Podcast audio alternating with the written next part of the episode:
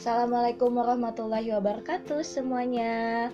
Kembali lagi bersama saya Miss Okta. Selamat pagi, selamat siang, selamat sore, dan selamat malam Untuk pendengar setiap podcast cerita guru. Kali ini Miss Okta nggak sendirian nih Karena Miss Okta ditemani oleh sahabat Miss Okta yang akan sama-sama berbagi tentang pengalaman mengajarnya itu seperti apa, kesulitan, uh, kemudahannya dan perannya sebagai guru itu bagaimana. Oke, langsung saja tanpa panjang lebar, mungkin kita kenalan dulu kali ya sama orangnya. Halo, hai udah lama ya nggak ketemu ya. Banget. Uh, hai teman-teman, uh, aku Siska. Aku saat ini um, berada di Jakarta. Ya, dulu aku sempat ngajar juga sih, jadi pengajar di Bandung di salah satu sekolah Bandung dan itu uh, that was uh, very interesting ya untuk hmm. experience pertama dalam uh, ngajar mengajar gitu. Nah untuk uh, pengalamannya pasti banyak banget ya. Oh jadi ini kita langs langsung nih langsung akan diceritakan oleh Miss Siska nih pengalaman dulu waktu mengajarnya. Uh, pengalaman ngajar ya. Iya. Yeah. Jadi di, di uh, waktu kuliah itu memang uh, aku memang mengambil jurusan pendidikan pendidikan uh, bahasa Inggris. Dan um, sebelum mengajar di sekolah itu aku juga ada pengalaman ngajar di uh, private.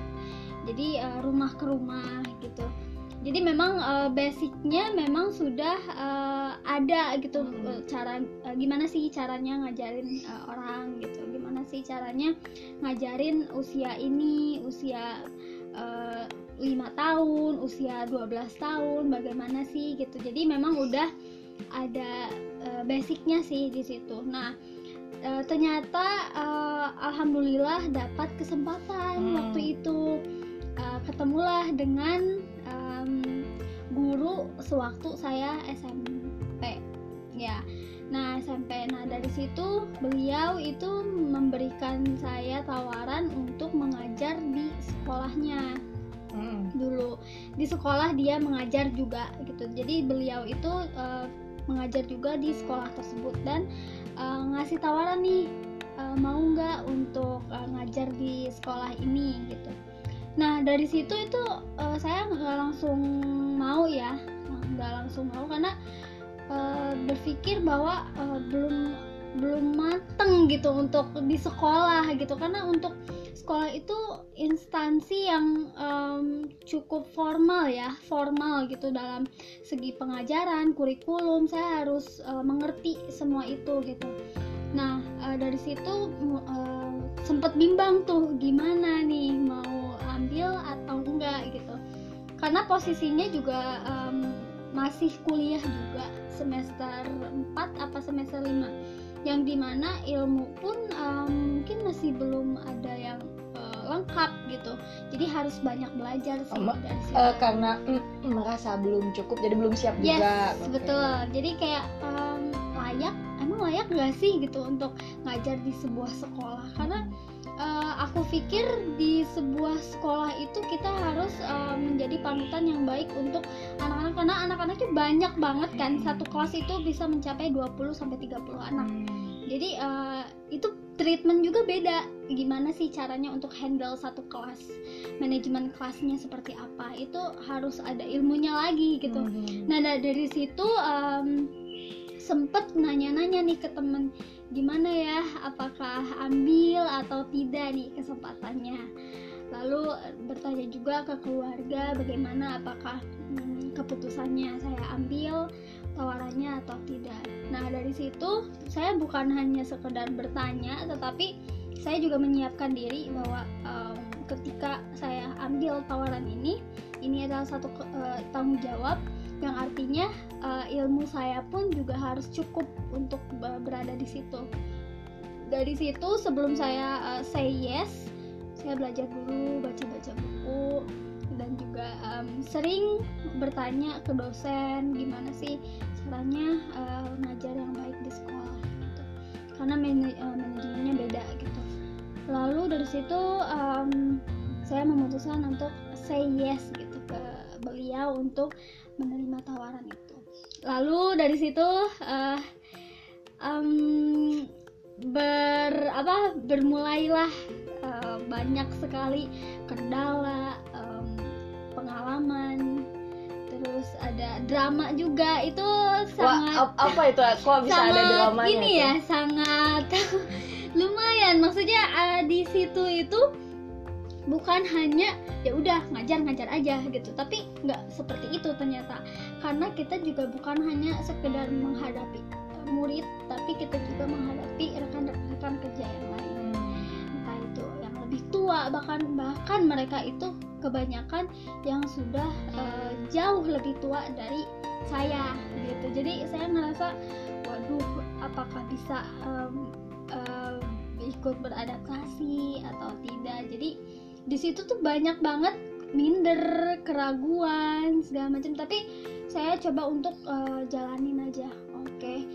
Uh, ini keputusan yang saya ambil. Jadi saya mau nggak mau harus uh, terus bela- belajar dan juga terus um, berkaca diri sih. Kalau misalnya saya merasa kurang jadi apa sih caranya untuk uh, bisa uh, sama seperti mereka bukan artinya sama kedudukannya tapi ilmunya ya sama Hmm. lah gitu Iya, iya. nah dari situ um, untuk kendalanya mengajar anak-anak di sekolah itu Tunggu dulu nih Miss, sebelum kita bahas kendala, saya mau tanya dulu berapa lama sih kan itu tadi pengalaman udah banyak Hmm. dong. Pengalaman udah banyak dari karakter anak dan grade di tingkat yang berbeda-beda juga. Berapa lama sih untuk mm, eh, mengajar di sekolah formal dan yang informal? Nah, kalau uh, seberapa ngajar, seberapa lama ngajarnya ya? Iya. Kalau di informal itu, di private itu nggak lama sih. Cuman memang uh, banyak juga ilmu yang didapat dari situ, gitu. Jadi uh, nggak lama, tapi ada uh, value-nya juga, Mhm. gitu. Ada apa yang saya dapat dari situ.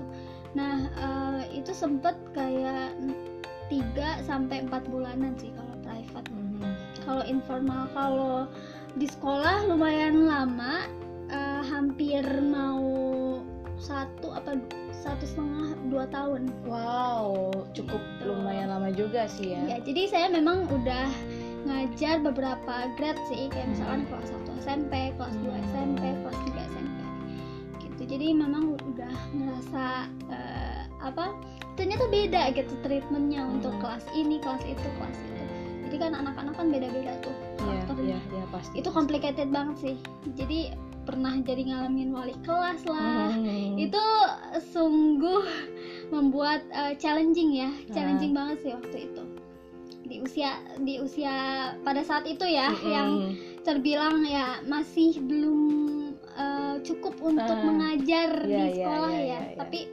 saya coba sih untuk terus uh, belajar sih di situ Oke, Tuh. cukup lumayan lama dan Mm-mm. pasti eh, berkesan ya.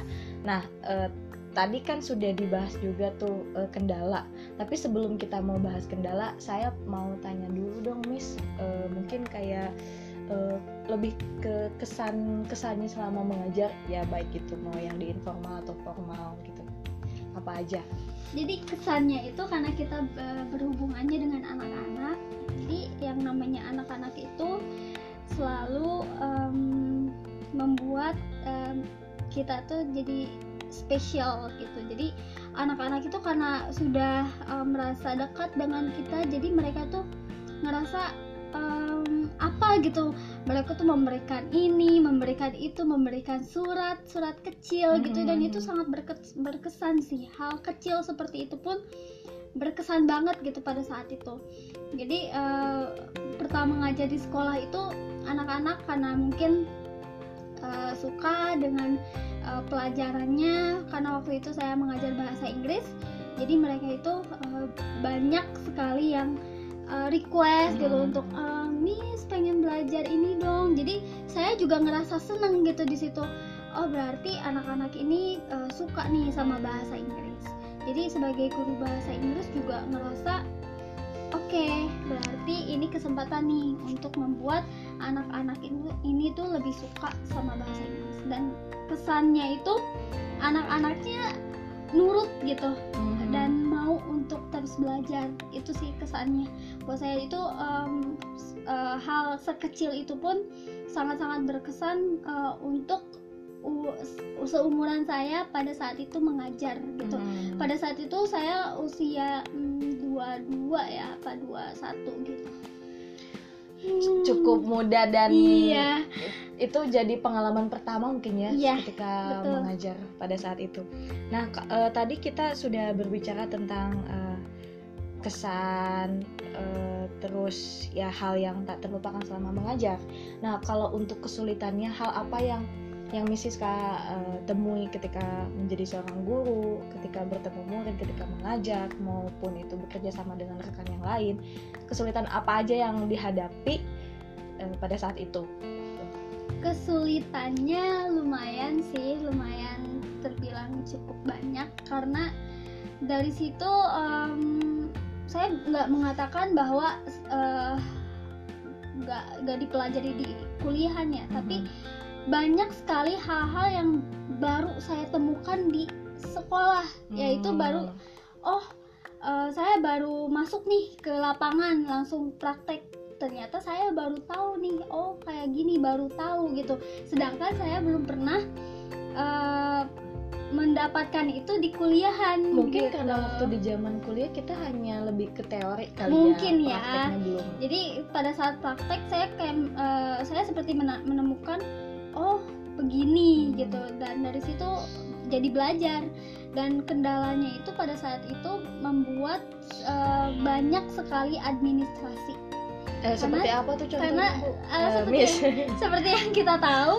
administrasi sekolah tuh banyak sekali ya seperti nanti ada program semester, hmm. program tahunan, itu complicated sih. Hmm, bagi uh, calon-calon guru atau guru pasti udah udah tahu banget ya Miss soal-soal kayak gini. Pasti pasti udah tahu cara bikin RPP hmm, lah. Iya, betul. Oh, uh, namanya um, mungkin kalau di bahasa Inggris lesson plan ya. Uh-huh. Lesson plan. Terus uh, um, melihat buku yang cocok nih untuk anak-anak uh-huh. gitu itu baru ditemukan pada saat uh, langsung terjun di lapangan gitu. Dan dan saya bersyukur juga ternyata dengan saya mengajar di usia tersebut di semester tersebut saya jadi mudah ke depannya. Pada saat kuliah itu jadinya ya gampang aja gitu langsung ngikutin karena saya udah pernah gitu di sekolah. Ah, oke oke oke. Terus uh, berarti kalau disebut kesulitan sebetulnya itu berarti bukan kesulitan juga karena itu pun proses dalam hmm. kita uh, belajar gitu ya, ya betul. Uh, tentang apa ya uh, ya di lingkungan hmm. apa pendidikan. mengajar pendidikan gitu. Nah kalau misalnya ini kan um, kita sambungkan juga sama uh, terkait dengan isu yang sedang terjadi sekarang ya Miss. Um, sekolah online segala yes. macam gitu. Itu kan pasti berbeda dengan yang sebelumnya ketika kita uh, mengajar langsung. Ini juga yes. udah saya bahas sih di podcast saya sebelumnya. Jadi kalau teman-teman yang belum dengar podcast saya yang sebelumnya yaitu tentang online class versus uh, conventional class boleh didengarkan. Oke okay, cukup promosinya. Nah um, selain dari itu jadi gimana sih uh, kira-kira um, dari Misiska sendiri menyikapi uh, uh, gimana ya bilang menyikapi tentang pembelajaran dari rumah untuk sekarang nih online ya iya uh, jujur untuk uh, sekarang ini saya merasa prihatin juga sih untuk anak-anak hmm. karena uh, kita aja orang dewasa uh, online gitu belajar online liatin terus layar gitu. Laptop lah handphone kah itu jenuh loh hmm. nah ini anak-anak dari pagi sampai siang atau bahkan sampai sore hmm. saya ngerasa prihatin sih tapi sebagai instansi atau lembaga pendidikan memang kita harus putar cara nih gimana nih caranya biar anak-anak ini nggak jenuh mm-hmm. gitu biar anak-anak ini nggak ngerasa ah bosen nih belajar terus mm-hmm. gitu gimana sih caranya gitu nah kita uh, sebagai guru sebagai pendidik juga harus merasa um, diminati untuk anak-anak. Jadi maksudnya uh, jangan sampai anak-anak ini merasa ah belajarnya gitu-gitu aja. Jenuh dan bosan yes. ya? Hmm. jadi kita sebagai teacher uh, especially in English ya karena bahasa Inggris itu uh, menurut anak-anak mungkin sulit. Mhm. ya karena bahasa yang asing gitu untuk mereka. Dan sulit untuk dipelajari tapi kita sebagai teacher harus uh, tahu bagaimana caranya entah itu membuat uh, kelasnya menjadi fun Mhm. menyenangkan walaupun sekarang mungkin lewat zoom ya Iya. lewat zoom Google Hangout Google Meeting nah gimana caranya kita sebagai teacher itu memberikan yang terbaik walaupun di online ya Mhm. walaupun di online entah itu ada games kah entah itu ada hmm, kegiatan-kegiatan yang membuat mereka itu ngerasa beda gitu Mhm. ngerasa Mhm. Yes aku uh, di, di- walaupun belajar di rumah aku masih tetap uh, mendapatkan uh, kesenangan gitu Mhm. dalam belajar jangan sampai mereka ya udah belajar belajar aja nah sebagai teacher kita harus um, selalu berinovasi sih Mhm. gitu, betul itu kuncinya betul sih. iya. Gitu. kreatif juga berarti ya Mm, dalam betul eh, apa ya dalam mengembangkan eh, pembelajarannya yes gitu betul Nah, ter- eh, terkait kita balik lagi dari awal nih, Miss. Saya juga pengen tahu dan temen-temen yang lain juga pasti pengen tahu. Eh, pasti kan untuk sekolah formal dan informal itu ada perbedaan. Kira-kira perbedaan perbedaan apa yang paling signifikan antara ke- kedua eh, apa eh, kedua hal tersebut Yes. gitu mau yang dari formal atau informal bedanya itu uh, ada sih beberapa yang sama ada beberapa yang uh, berbeda signif yang secara signifikan. Tapi yang uh, berbeda secara signifikan itu mungkin dari materi ya kalau di informal itu anak-anak itu um, bisa kedeteksi nih sama kita. Uh, kebetulan saya sekarang bekerja di sebuah uh, instansi informal ya. Mhm. jadi saya juga paham seperti apa prosesnya untuk uh, mengajar anak gitu Mhm. Nah, untuk uh, di informal itu anak-anak tuh biasanya kedeteksi mis kayak misalkan ketika nih anak kelas 2 S kelas 2 SD nih. Tapi ternyata kemampuannya itu nggak di situ. Kita selalu Ah, kita oke. selalu um, me- menyesuaikan dengan kemampuannya karena Mhm. ketika dia em, ya udah kalau dia kalau dia kelas 2 ya udah kasih aja materinya kelas 2 Mhm. tapi nggak gitu anak-anak itu kadang nggak ngerti ini materinya apa karena dia mungkin ya di sekolahnya nggak dapet atau Hmm. mungkin di sekolahnya eh, dia kurang paham that's why eh, parents itu atau orang tua itu kadang eh, ya udah deh eh, les aja misalnya Hmm. tam- tambahan nah tujuannya untuk itu untuk mempertajam kemampuan anaknya Oh. yang nggak didapat di sekolah Ah. karena eh, jujur ya kalau di sekolah itu mungkin eh, karena saya juga pernah di sekolah eh, jujur anak-anak itu kadang kalau yang nggak ngerti itu ya udah nggak ngerti gitu gak nanya sama sekali. Kadang kalau kita kasih eh, pertanyaan kayak eh, ada yang mau ditanyakan atau apakah sudah paham mereka jawabnya paham. Tapi ketika pas sudah eh, kayak ulangan lah tes atau segala macam ternyata oh anak ini belum paham ternyata gitu dan eh, mungkin ada s- apa kayak kendala ke- ketidakpercayaan diri Mhm. terhadap anak. Jadi mungkin ngerasa bahwa ya udah paham aja deh gitu. Nah kalau di informal ini kita nggak kayak gitu miss. Jadi kita lebih concern banget sama progresnya. Eh, bukan cuma hasil tapi progres setiap eh, progresnya itu kita perhatiin. Kayak misalkan anak ini belum paham ya kita nggak akan lanjut Oh, gitu. Kita akan iya, terus iya, iya. bikin dia selah, eh, paham dulu gitu jadi misalkan eh, dia belum paham eh, materi A ya udah kalau misalkan belum paham ya udah kita nggak akan langsung ke B dong Berarti tidak memaksakan gitu ketika anak belum paham ya. Mm-mm. Oke. gitu kalau di instansi informal kayak gitu sih Hmm. Miss, gitu jadi kita juga uh, paham ya setiap uh, karakter anak juga karena gaya belajar anak beda-beda Mhm. gitu ada Betul, yang betul, visual learner betul. kah Ah. ada yang audio lah jadi memang harus disesuaikan kalau instansi informal itu memang um, apa lebih detail ya untuk anak-anak karena kalau apalagi kalau misalkan instansi informalnya itu lebih ke semi private atau private Mhm. nah jadi anak-anak tuh lebih eh, oh berarti eh, anak ini seperti ini anak ini seperti ini jadi eh, paham lah masing-masing anaknya tapi kalau di sekolah itu kadang nggak kepegang mis karena kan kita harus kombinasi Yes, lihat semua betul. kan iya iya iya. manajemennya harus bener-bener uh, kuat tuh Mm-mm. kalau di sekolah gitu jadi anak-anak itu kadang mm, kalau yang nggak paham ya udah jadi nggak paham aja gitu Iya, iya.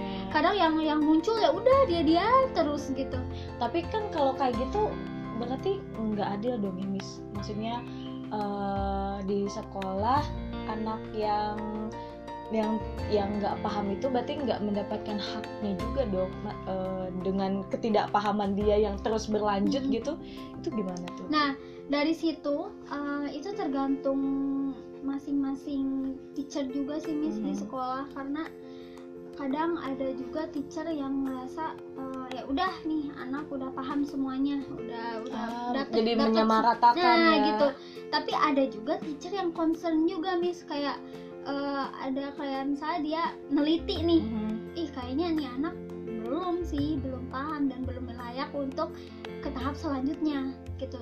Ada teacher yang kayak gitu.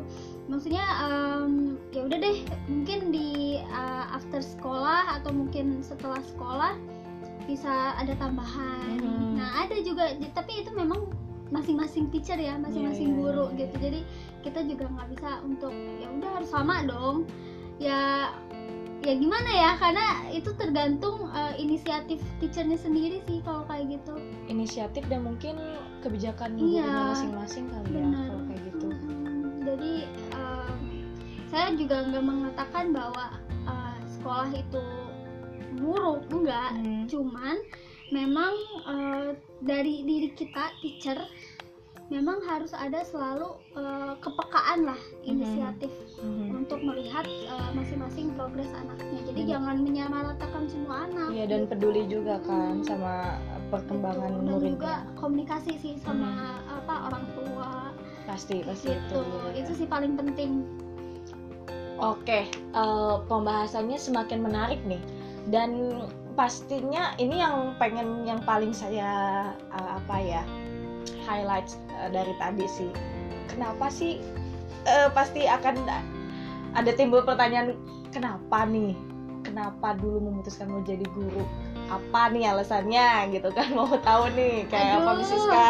aduh aduh aduh aduh ini sebenarnya ya agak hmm, agak klise ya karena Hmm, apa tuh dulu dulu itu saya merasa um, oke passion saya, saya karena saya sudah eh, apa masuk di kuliah pendidikan ya berarti saya harus jadi guru Hmm. dulu eh, mikirnya seperti itu eh, Miss dan itu eh, saya akui ya salah Eh, ya ya, ya. karena passion itu bukan ditentukan dari eh, eh, di mana kita berkuliah kan sebenarnya ambil Gitu, major tertentu yes. bukan berarti ya yes ah, yes betul Hmm.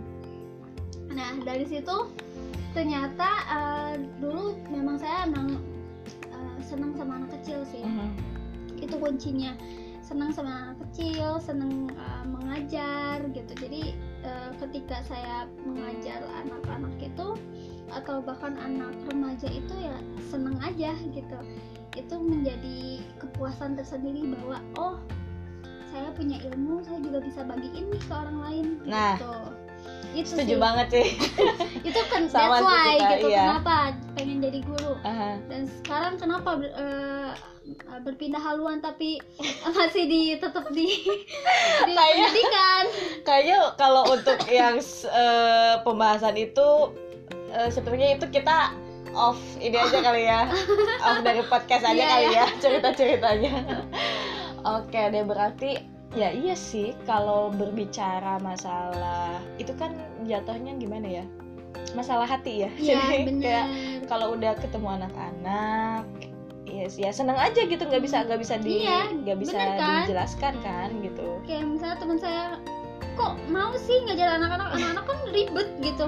Ya tapi seneng gitu tapi suka gitu. Anak-anak tuh lucu gitu. Jadi ada hal yang mesti kita perhatikan gitu Hmm. untuk mengajar anak-anak itu bukan ngasal gitu iya bener nggak ngasal kita tuh kayak misalnya uh, merhatiin gimana nih caranya untuk dia mau Hmm, ada hmm, anak yang hmm. tantrum kan ada Iya. anak yang uh, su- uh, sulit untuk um, reach kita dalam uh, materi misalnya dia maunya main gitu Mhm. itu kan ada treatment tersendiri dan Iya, saya iya, suka iya, iya. gitu itu Ah. aja saya suka itu aja sih miss iya emang sih kalau udah udah apa ya ngebahas ke sana itu ya emang nggak bisa dijelasin karena eh, apa kita yang ngerasain Mm-mm. sendiri gitu kan dan kita juga nggak bisa maksain iya setiap orang ya mungkin oke boleh lah eh, apa ada beberapa orang yang eh, mengiranya mungkin kita eh, apa nggak eh, ribet atau merasa kesulitan Iya. mengajar anak kecil tapi kan untuk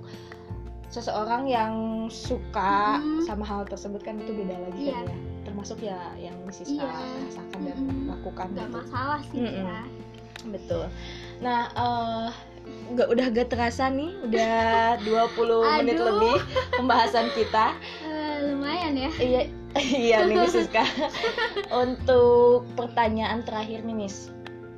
Apa sih yang mau Miss eh, sampaikan ke guru-guru terkait keadaan sekarang mungkin atau memberi semangat kah? Dan untuk eh, murid-murid juga nih.